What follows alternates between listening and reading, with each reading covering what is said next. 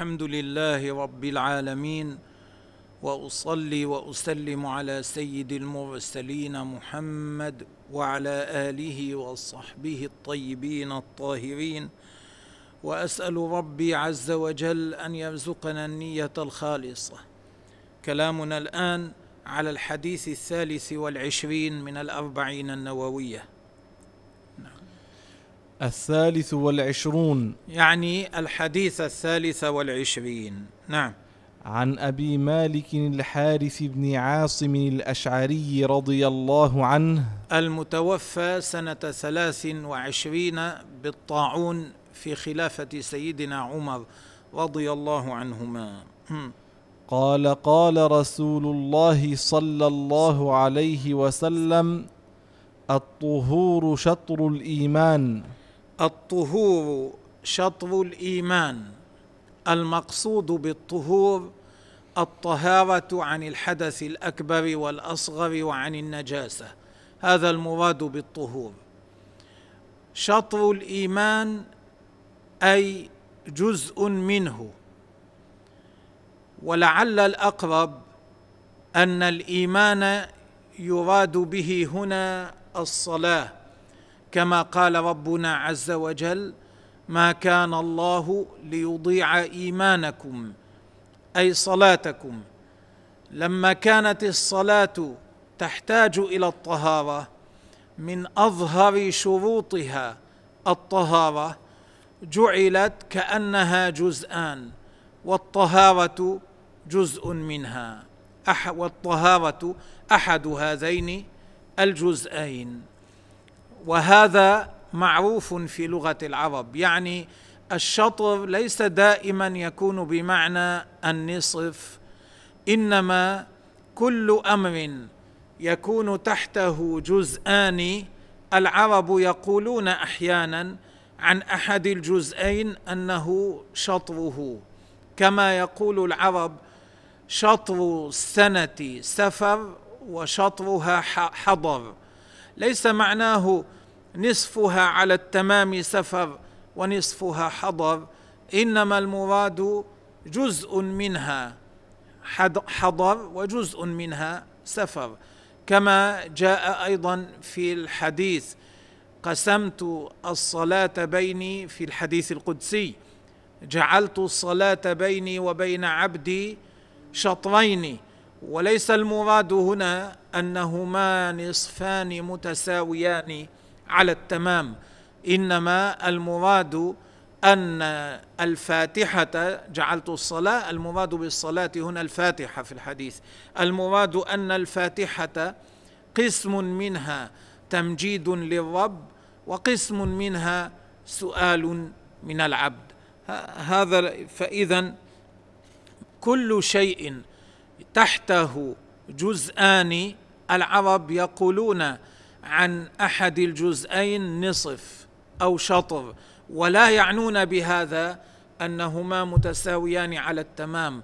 وعلى هذا المعنى جاء قولهم لا أدري نصف العلم وجاء قولهم إن الفرائض نصف العلم. أي لأن العلم منه ما يتعلق بالإنسان قبل موته ومنه ما يتعلق بالإنسان بعد موته. فالقسم المتعلق بالإنسان بعد موته هو الفرائض فيقال عنها بهذا الاعتبار نصف العلم. اذا الحديث الطهور شطر الإيمان أي نصفه أي جزء منه. آه، والمراد بالإيمان الصلاة. كأنها كأن الطهارة جزء من الصلاة. ويحتمل أيضا أن يقال إن خصال الإيمان تطهر القلب. قسم منها يطهر القلب وقسم منها يطهر البدن وهو هذه الطهارة. فلما كان قسم منها يطهر البدن قيل عنه شطر الإيمان.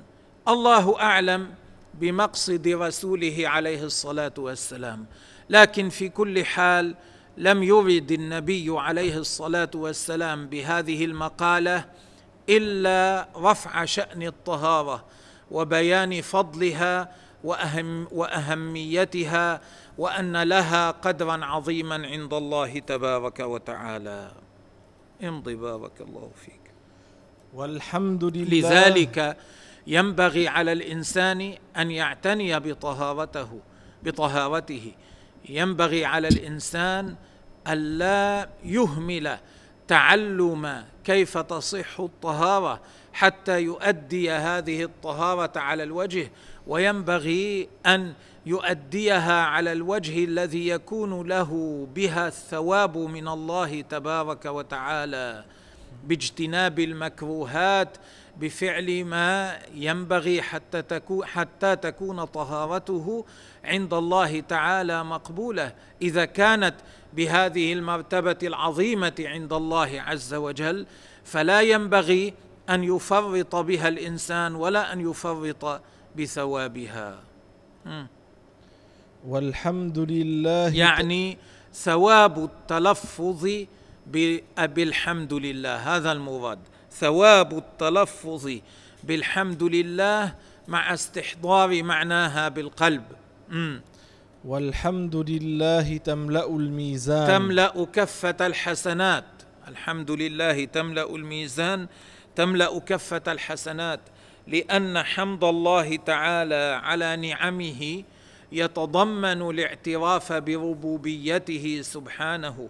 وبعلمه عز وجل وبوحدانيته تبارك وتعالى وبقدرته وبعظمته لما كان لفظ الحمد يتضمن كل ذلك كان التلفظ به مع استحضار معناه يملأ كفة الحسنات.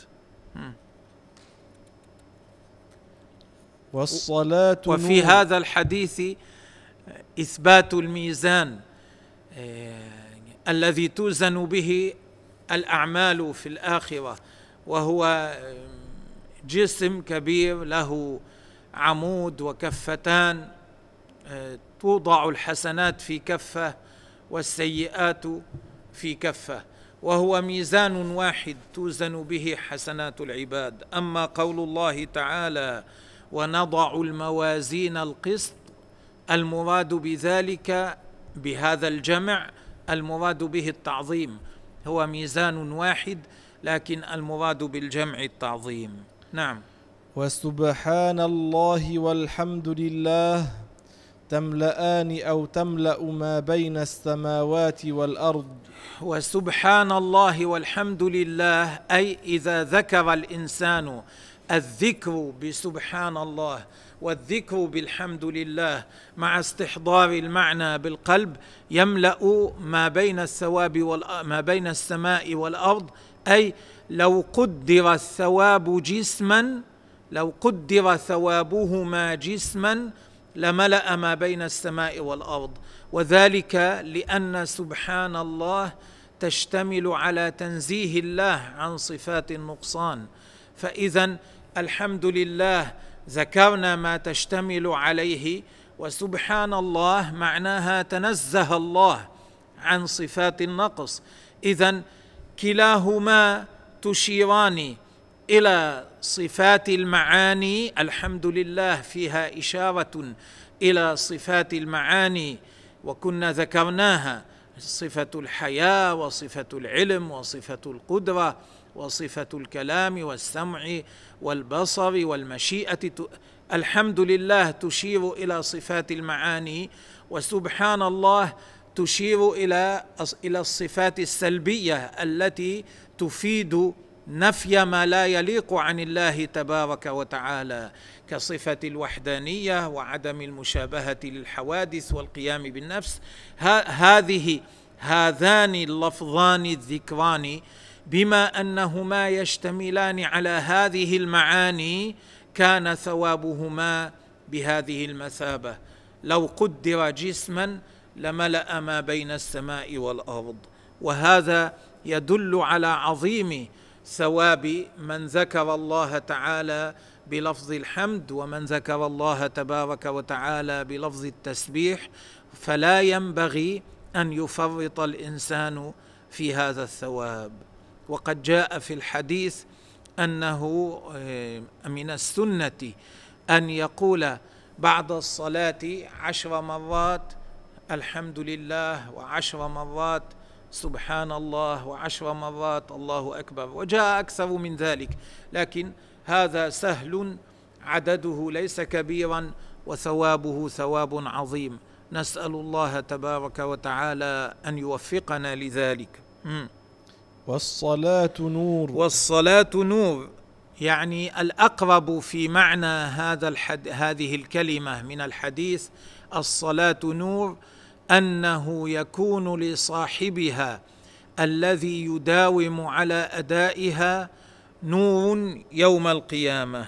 تكون هذه الصلاة نورا وبرهانا ونجاة له يوم القيامة كما هو ظاهر بعض الأحاديث جاء في الحديث أنها تكون نورا ونجاة وبرهانا لصاحبها يوم القيامة.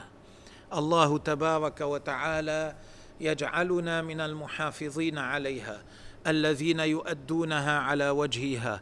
وهذه الصلوات الخمس التي أمر الله تبارك وتعالى بها عباده المؤمنين هذه الصلوات أفضل الأعمال بعد الإيمان بالله ورسوله. فينبغي أن يؤديها الإنسان على الوجه الذي ينال بها الثواب من الله. ينبغي أن يجتنب مكروهاتها. لا ينبغي أن يضيع الإنسان هذا الثواب العظيم. لا ينبغي أن يفرط به. بعض الناس إذا قام ليصلي يصلي مسرعا لا يسبح. لا لا في الركوع ولا في السجود لا لا يكاد لا يطمئن لا يخشع لا إنما يريد أن يؤدي الفرض بأداء الواجبات مع عدم الإتيان بالسنن ولو وقع في المكروهات. فقط يريد أن يسقط الفرض عنه وهذا يكون ضيع على نفسه أعظم ثواب يستطيع أن يحصله في يومه وليلته. فينبغي على الإنسان أن لا يفعل ذلك. إنما ينبغي أن يعتني بطهارة صلاته وأن يؤدي صلاته على ما ينبغي. وكم يأخذ عليه هذا من الوقت؟ لا يأخذ عليه وقتا كثيرا. لا ينبغي أن تكون صلاته وطهارته في آخر اهتماماته. إنما ينبغي أن يرتب برنامجه في اليوم والليلة على حسب ما تقتضي ما يقتضيه أداء الصلوات على وجهها. يعني اولا يفكر كيف يؤدي الصلوات على وجهها ثم بعد ذلك يرتب برنامجه لباقي أعماله في اليوم والليلة. لأنه إذا لم يفعل ذلك وجعل الصلاة في آخر سلم اهتماماته ولم يؤدها على الوجه الذي هو مطلوب وفاته ثوابها يكون خسر خسارة عظيمة كبيرة. كان بعض الرؤساء رؤساء الجمهورية آه، كان كانت عادته حيثما كان في أي مكان كان مهما كان الذي يؤديه. إذا دخل وقت الصلاة ترك ما فيه وقام فتوضأ وصلى وأدى الصلاة على وجهها. ولا أظن رحمه الله تعالى ولا أظن أحدا منا ينشغل مثل انشغاله. امضي. والصدقة برهان. الصدقة المراد بها الزكاة. كما دل عليه بعض روايات هذا الحديث.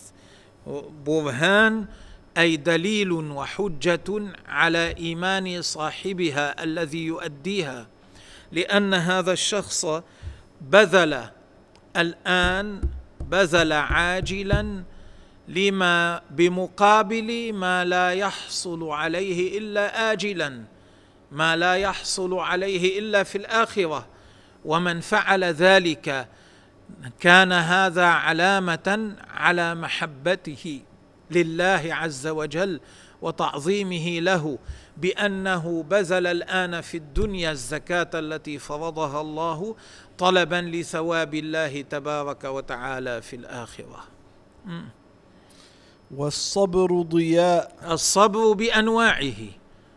الصبر منه ما هو واجب منه ما ليس واجبا والواجب سبق أن ذكرنا أنه ثلاثة أنواع صبر على أداء الطاعة وصبر عن المعصية اجتنابا للمعصية وصبر على البلاء الذي ينزل بالإنسان فلا يتسخط على الله تبارك وتعالى فالصبر بأنواعه الصبر المفروض والصبر المندوب كلاهما نور قوي. تنكشف به ظلمات ظلمات الكروبات ويضيء لصاحبه ليستمر على طريق النجاة.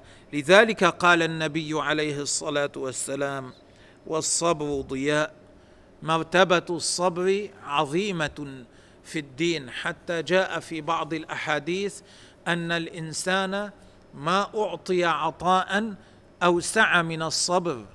ما أعطي عطاء اوسع من الصبر. نسأل الله أن يجعلنا من الصابرين الصابرين على طاعته الصابرين عن معصيته الصابرين على البلاء والصابرين على غير ذلك في مواطن الصبر. وليس ولا ينافي الصبر على البلاء إظهار الشكوى. طالما لم يكن هذا اعتراضا على الله. إذا صبر الإنسان على البلاء واحتسب عند الله تبارك وتعالى ما نزل به. لو أظهر الشكوى لا يكون هذا منافيا للصبر ضد الصبر. سيدنا أيوب عليه وعلى نبينا الصلاة والسلام وصفه الله تبارك وتعالى في القرآن بأنه صابر. ومع ذلك ذكر ربنا عز وجل عن أيوب أنه قال مسني أني مسني الضر مسني الضر فشكى إلى الله تبارك وتعالى. فلا ينافي أن يشكو الإنسان ما نزل به إذا لم يكن على وجه الاعتراض إذا لم يكن بطريقة تنافي الصبر. تظهر أنه غير صابر على ما نزل به لا ينافي الصبر الذي يثاب عليه في الآخرة. نعم.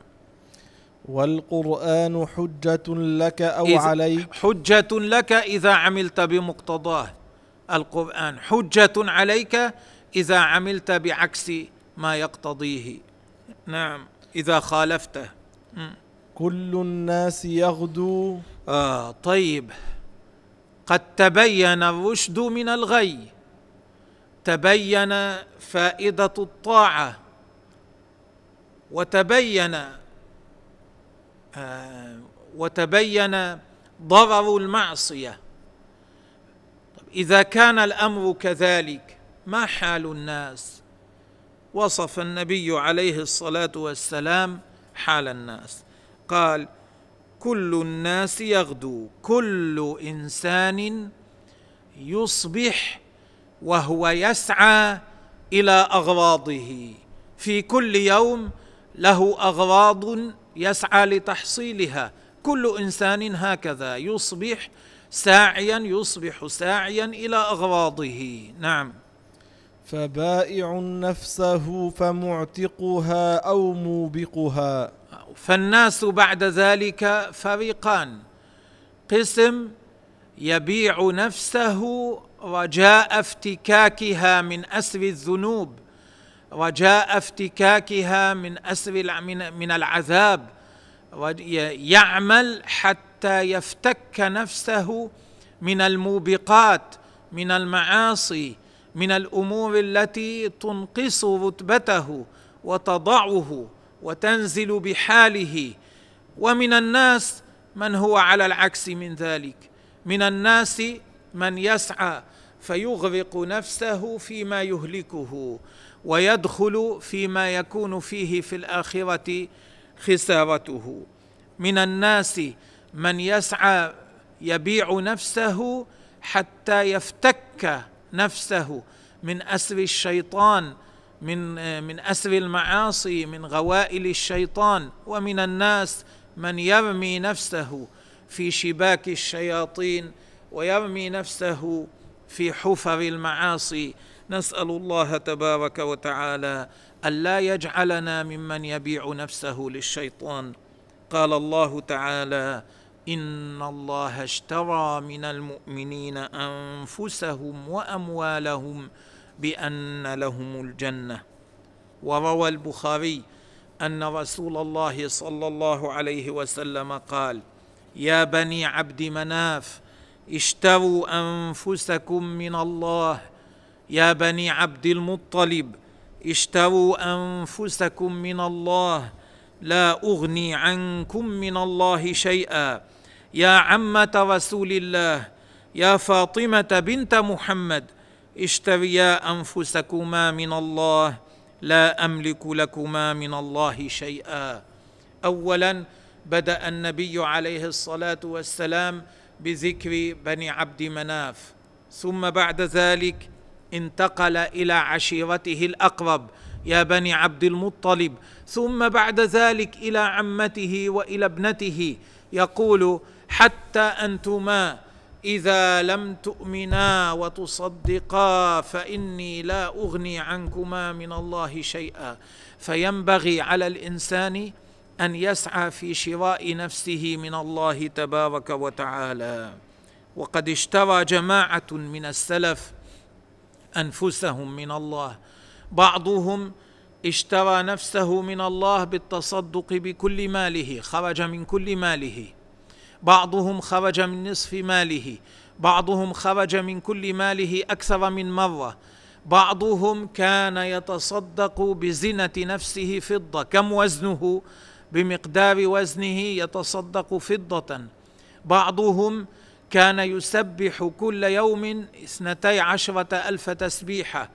هذا مثل بعدد دراهم الدية. الناس في الماضي اعتادوا أن الذي قتل نفسا إذا أراد أن يدفع ديتها يدفع اثنتي عشرة ألف درهما يدفع اثني عشر ألف درهما دية نفسه. فهو يمثل نفسه كأنه قتلها وكأنه يدفع ديتها كل يوم فيسبح اثنتي عشرة ألف تسبيحة. ومنهم من فعل غير ذلك رجاء افتكاك رقبته يوم القيامة حتى لا يقع حتى لا يهلك في الآخرة ولا يكون مصيره عذاب الله تبارك وتعالى. كان محمد بن الحنفية رضي الله تعالى عنه يقول إن الله عز وجل جعل الجنة ثمنا لأنفسكم فلا تبيعوها بدون ذلك. لا تبيعوا أنفسكم بغير الجنة. نعم. الله يجعلنا ممن يقبل على الطاعة ويشتري نفسه من الله بطاعته عز وجل. رواه مسلم. رواه مسلم وغيره رواه الترمذي وأحمد والنسائي وغيرهم. والله تبارك وتعالى أعلم.